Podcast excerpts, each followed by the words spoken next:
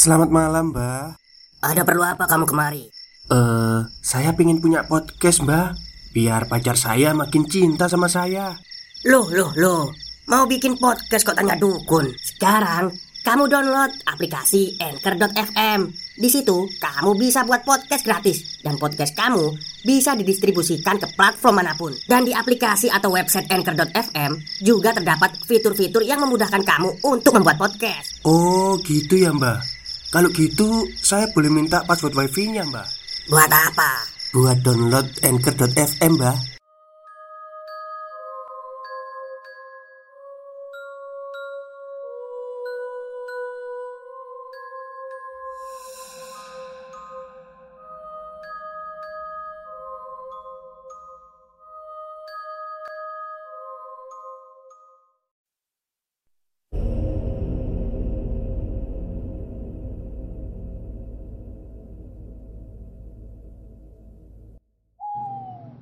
Assalamualaikum warahmatullahi wabarakatuh. Halo semuanya.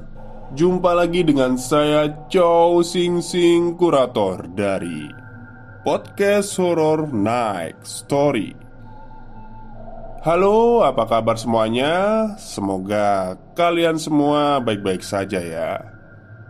Dan seperti biasanya pada malam hari ini Saya kembali dan akan menceritakan sebuah kisah mistis untuk kalian semua. Kisah kali ini datang dari kiriman email dari Mbak Sita yang menceritakan sebuah kejadian yang dialami oleh temannya sendiri. Dan ini berhubungan dengan persekutuan dengan iblis. Seperti apa kisahnya? Mari kita simak.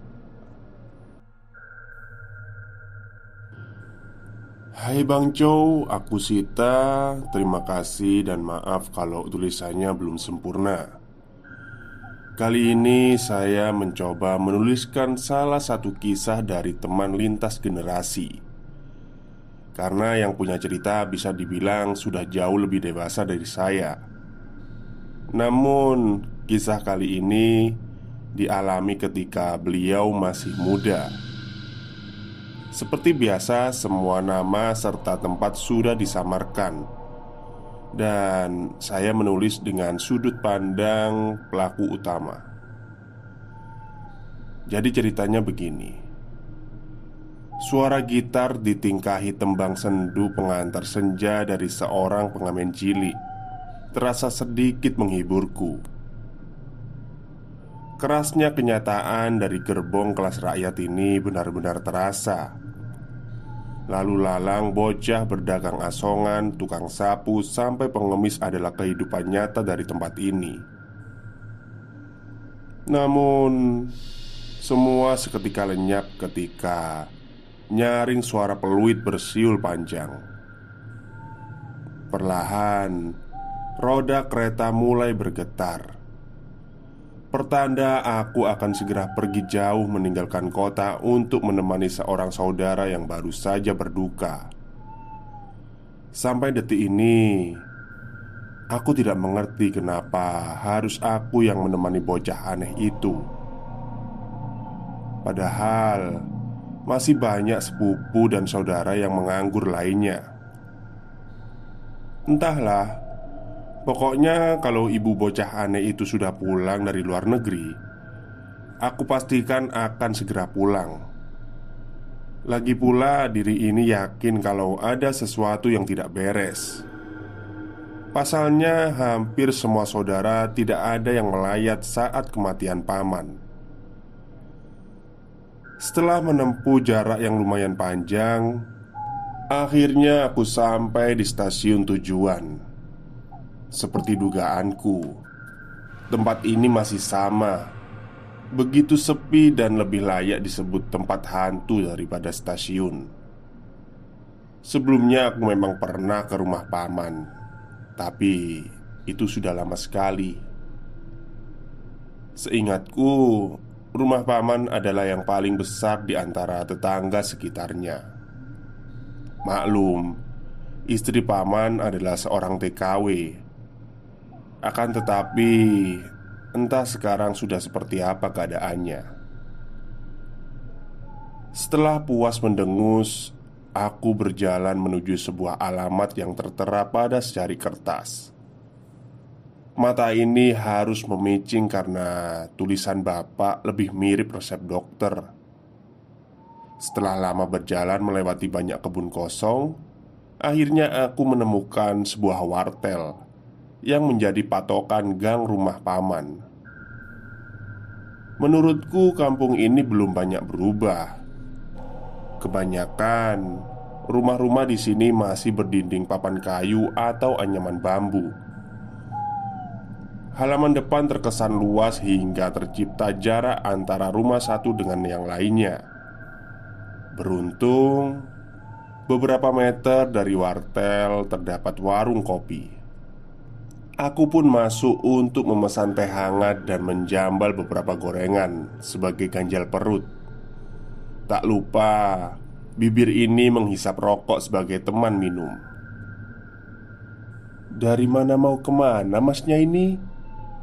Sapa ibu penjaga warung Iya, kok saya baru lihat masnya ya? Timpal bapak-bapak yang juga masih ngopi di situ. Oh, nama saya Sabta, Bu. Saya mau ke rumah Paman Wirat untuk menemani Tanto sampai ibunya pulang. Jelasku agak canggung. Oh, ibunya Tanto mau pulang. Ekspresi seisi warung mendadak berubah. Mereka seolah ingin mengatakan sesuatu, tapi tercekat di cenggorokan. Entahlah, semoga itu hanya perasaanku saja.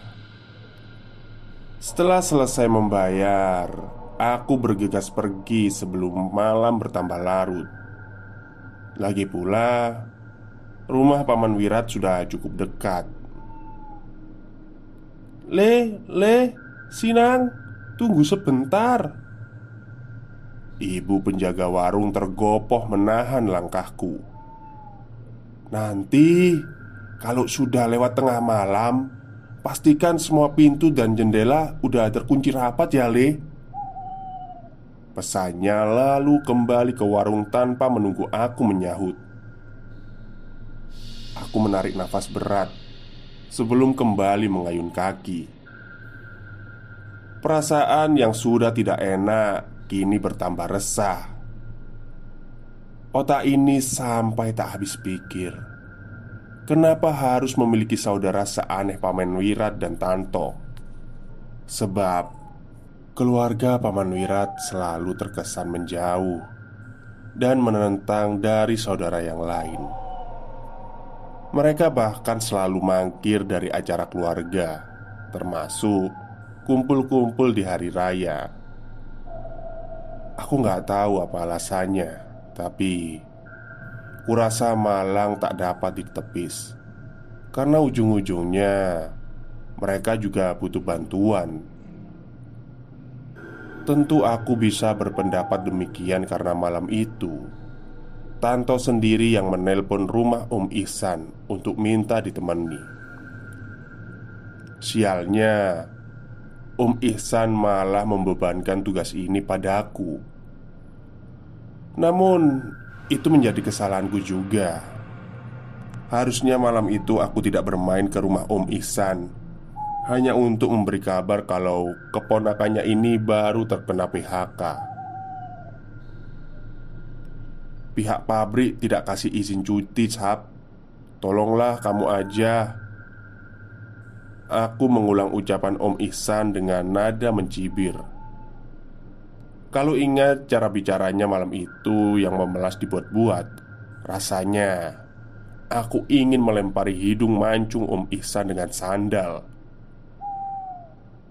Sesampainya di rumah yang kuyakini adalah kediaman undiang Om Wirat Aku cepat mengetuk pintu. "Tanto, Tanto, ini benar tidak rumah kamu?" Teriakku agak ketus karena pintu tak kunjung dibuka. Aku mendengus, lalu melangkah hendak mencari pintu belakang. Suasana dalam rumah tampak gelap. Karena aku mendadak ragu untuk pergi ke area belakang rumah Akhirnya aku mengetuk jendela samping. Tanto! Panggilku berulang-ulang. Tanto Ini Sabta. Kamu beneran Mas Sabta? Suara itu berhasil mengejutkanku. Iya mas sebentar. Pintunya segera aku buka. Lanjutnya dari dalam. Dengan kesal Aku kembali ke pintu depan. Rupanya bocah aneh itu berniat mengerjaiku terlebih dahulu. Namun sepertinya Tebakanku tidak akurat Sebab Wajah Tanto tampak pucat dengan beberapa bulir keringat ia menarik lenganku dan segera mengunci pintu. Walau sebentar, aku bisa merasakan tangannya begitu dingin dan basah. Syukurlah ada yang mau datang ke sini, ujar Tanto sebagai sambutan kedatanganku. Aduh, sebenarnya ada apa sih? Tanyaku sembari meletakkan tas berat yang sedari tadi menempel di punggung di samping kursi. Aku juga nggak tahu, Mas. Semenjak kematian Bapak, banyak kejadian janggal. Ungkapnya dengan raut gelisah. Bukannya kamu sama dengan bapakmu? Kenapa sekarang malah takut? Tembakku tanpa dedeng aling-aling. Tak menunggu dipersilahkan pun, aku seenaknya duduk untuk meregangkan otot-otot pinggang. Tanto menyusul duduk di hadapanku. Sebenarnya, sejak tahu apa yang dilakukan bapak itu sesat, aku menolak setiap ajarannya, Mas. Beberapa tahun belakangan ini, aku juga sering bertengkar sama bapak. Ah, sudahlah. Aku capek Ceritanya besok aja Tukasku lalu bangkit mencari kamar mandi Saat keluar dari kamar mandi rupanya Tanto sudah berdiri di ambang pintu Seolah mengantri Mau ke kamar mandi juga kamu? Tegurku sambil berlalu. Kemudian aku melangkah menuju ruang depan untuk mengambil tas. Namun sebelum sampai Aku putuskan secepatnya bertanya. Toh Tanto Kamarku yang mana? Teriakku saat hampir sampai di ruang tengah Berharap segera mendapat sautan dari kamar mandi. Uh, kita tidur bareng aja mas Dipanku besar kok Suara itu bersumber dari kamar yang tepat berada di ruang tengah. Jantungku sontak mencelos melihat Tanto muncul dari pintu kamar. Pertanyaannya, siapa sosok yang baru saja kutegur di depan kamar mandi itu? Aku menoleh ke belakang. Lampu masih menyala saat pintu kamar mandi terbuka perlahan dengan sendirinya. Tak ada sosok apa pun di balik pintu itu. "Ada apa, Mas?" tanya Tanto sembari mendekat. "Oh, enggak, enggak ada apa-apa." Jawabku tergagap. Aku segera mengambil tas dan masuk kamar. Dengan sekuat tenaga, aku berusaha melupakan kejadian aneh barusan. Sial. Belum apa-apa situasi sudah keos seperti ini. Batinku sambil merebah di samping Tanto. Kami tidur saling membelakangi. Mata ini menghadap lurus di lemari kaca. Beberapa saat kemudian aku baru menyadari sesuatu Bahwasanya Setiap jendela dan ventilasi Seakan sengaja ditutup triplek dari dalam Mungkin itu alasan rumah ini tampak gelap dari luar. Tapi untuk apa? Aku ingin membalik badan dan menanyakan alasan tersebut pada Tanto.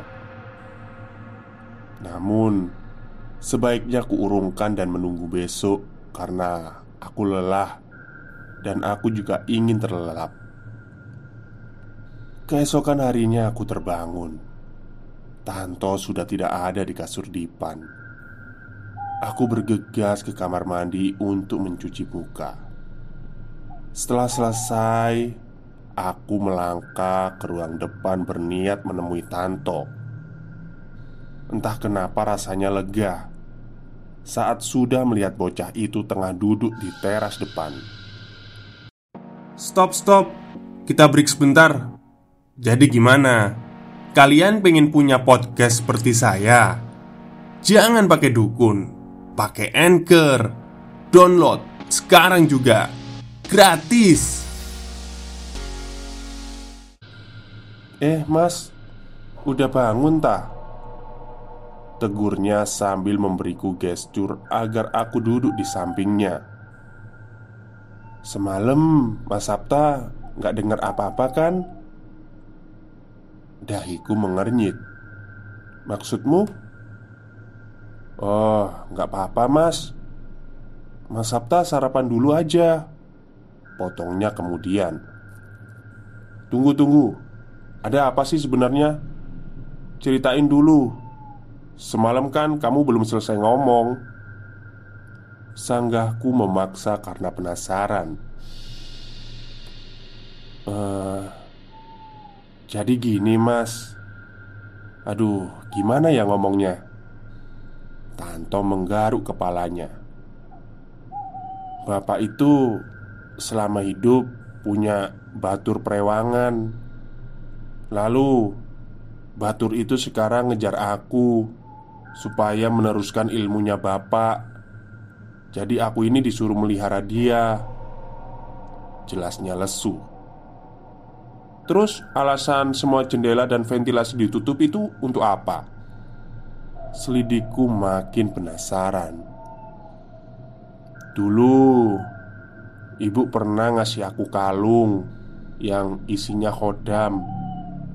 Katanya buat jaga-jaga aja dari peliharaan bapak Nggak tahu kenapa sejak kematian bapak Khodam itu sering usil. Kadang ngetuk-ngetuk jendela sama pintu sekeliling rumah.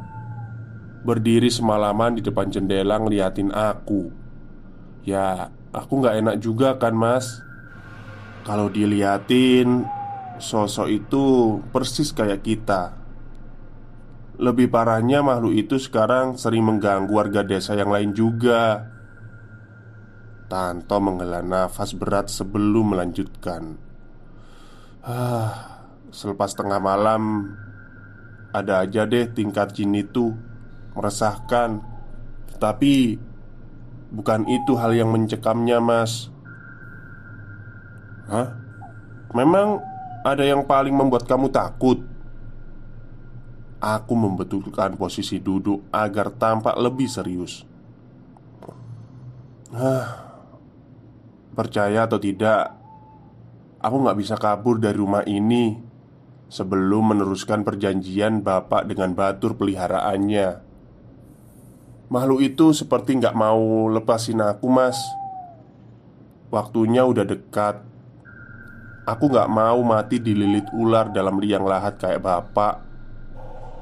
Kata Tanto tertunduk lesu. Aku mulai paham keresahan Tanto. Ah, masa sih bisa kayak gitu? Sumpah mas. Kematian bapak Sangat gak wajar. Baunya lebih busuk dari bangkai. Hampir semua warga nyerah dan menolak mengurus jasad bapak. Aku takut mas. Aku gak mau jadi seperti itu. Setiap malam aku sudah gak tahu rasanya tidur nyenyak Rasanya hampir gila otakku ini mas Ujarnya penuh penekanan Ah, oke oke oke Kamu tenang dulu Tan kita coba cari jalan keluarnya. Sergahku menepuk pundak Tanto seraya memberi semangat. Maaf, Mas. Aku benar-benar sudah buntu. Mas Sabta sarapan dulu aja. Ucap Tanto sembari bangkit dan mengajakku masuk. Seharian Aku hanya bermalas-malasan di depan televisi hingga petang. Tanto juga melakukan hal yang sama. Namun, wajahnya tampak gelisah dan sering melamun. Kami bahkan hanya makan mie instan karena malas melakukan apa-apa. "Mas, udah malam. Tidur aja yuk." Ajak Tanto. Aku mengerti kerisauan yang menggelayuti si Tanto. Dia pasti ingin cepat melewati malam. Aku pun mengangguk dan mengikuti Tanto ke kamar. Setelah beberapa saat terlelap, aku mendengar suara jendela kamar diketuk. Tanto masih terlelap di sampingku. Karena penasaran, Aku mengendap mendekati sumber suara. Dengan hati-hati, aku membuka triplek untuk sekedar mengintip. Jantung ini seketika terasa jatuh ke lantai. Sekujur tubuhku gemetar. Triplek yang harusnya terbuka sedikit kini terjatuh dan membuat jendela terlihat sepenuhnya. Aku jatuh terduduk tak dapat berteriak. Apa yang terlihat sungguh menghantuiku seumur hidup saat ini. Tampak jelas di depanku ada sosok kerangka tulang hitam berwajah gosong berambut gimbal. Bagian mulut makhluk itu agak monyong. Matanya merah sampai hampir keluar dari lubangnya. Kesadaranku agak kembali saat sebuah tangan menarikku bangkit dan mengajak berlari. Rupanya itu Tanto. Kami pun berlari tunggang langgang keluar rumah tanpa alas kaki. Karena panik, kami berlari tanpa arah. Belum ada percakapan di antara kami. Berhenti dulu, Tan. Aku capek banget. Aku memungkuk memegang lutut sambil mengatur nafas Mas, aku cuma bisa antar sampai sini Tanto udah ketangkep Dia milih tukar warasnya Setelah mengatakan itu Tanto menghilang secara sekejap Jujur Aku menolak peristiwa barusan Sungguh kejadian yang gak masuk akal namun, saat itu aku sadar 100% dan tidak sedang bermimpi. Aku celingukan di tengah kebun yang entah berlokasi di mana. Di depan hanya terlihat jalan setapak kecil dengan berbekal cahaya bulan. Kaki ini menyusuri jalan setapak tersebut. Sesekali terdengar suara langkah seakan sedang mengikuti. Namun, Aku abaikan karena tidak mau kena sial. Kata orang tua, kalau sedang ragu lebih baik jangan menoleh ke belakang. Jauh kaki ini melangkah rasanya hanya berputar-putar. Rumah warga belum tampak satupun. Namun, dengan tekad, aku enggan berhenti. Hati ini juga mulai khawatir dengan keadaan Tanto. Akhirnya, aku menemukan sebuah harapan saat terdengar suara adzan subuh berkumandang. Dengan cepat kaki ini mengarah ke sumber suara. Syukurlah, mulai tampak satu dua rumah warga. Anehnya, Aku berada di desa sebelah tempat tinggal Tanto. Aku pun harus berjalan lebih jauh lagi untuk sampai ke rumahnya Tanto. Saat sampai di rumah Tanto, ternyata kondisinya sudah ramai. Rupanya semalam terjadi kegaduhan di rumah sepupuku itu. Namun, aku sama sekali tak tahu menau karena kejadian semalam begitu cepat dan aneh. Dengan cepat, aku memeriksa kondisi Tanto. Ia tampak normal secara fisik, tetapi pandangannya kosong melompong. Menurut warga, anak itu sudah tidak bisa ditanyai setelah semalam berteriak sambil berguling kesetanan. Toh, Tanto, kamu nggak apa-apa kan? Aku mengguncang bahunya. Tanto hanya diam terduduk dengan wajah datar dan sedikit pucat. Yang sabar, Mas. Tanto ini udah kena ulah bapaknya. Saya tahu semuanya. Ujar salah satu seorang wanita tua. Maksudnya, Nek? Dahiku mengernyit. Dulu, bapaknya Tanto pernah punya perjanjian dengan iblis. Purnama pertama setelah kematian sang bapak akan merubah Tanto menjadi penerusnya.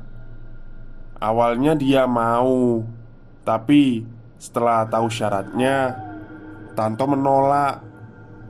Dia malah melakukan tawar-menawar dengan mencoba mengakali si rangkek balung. Kodam dari Tanto sendiri sudah berusaha melindungi tapi ya menyerah Dan hanya bisa membantumu kabur Ungkapnya Semalam itu Salah saya mbah Saya yang buka triplek jendela Saya jadi menyesal sekarang. Mau ditutup atau tidak? Perjanjian ya tetap perjanjian. Kamu pikir makhluk seperti itu butuh buka pintu untuk lewat? Kata sang nenek tersenyum kecut. Terus gimana nasib Tanto mbah? Tanyaku mulai cemas. Tanto ini pintar Harusnya dia sudah mati. Tapi karena tawar-menawar Dia cuma akan gila atau hilang akal warasnya. Ucap sang nenek mengakhiri penjelasan. Aku menatap nanar wajah Tanto yang tanpa ekspresi. Hari itu juga aku menelpon sanak saudara Melalui wartel depan gang Aku meminta jalan terbaik dari musyawarah keluarga Akhirnya Semua saudara sepakat untuk memasukkan Tanto ke rumah sakit jiwa terbesar di Jawa Tengah sambil menunggu kepulangan sang ibu. Sangat disayangkan, pemuda setampan Tanto harus menanggung resiko ilmu yang tak ia ketahui sebelumnya. Itulah bahayanya ilmu persekutuan turun-temurun dengan makhluk penyesat. Dari kisah ini, cukup ambil positifnya saja, sedangkan Negatifnya buang jauh-jauh. Kabar Tanto sekarang masih gila. Bertahun-tahun di rumah sakit Tidak pernah mengalami perubahan Akhirnya ia dirawat seadanya Di salah satu saudara yang bersedia Setelah kematian sang ibu yang mendadak. Terima kasih. Salam.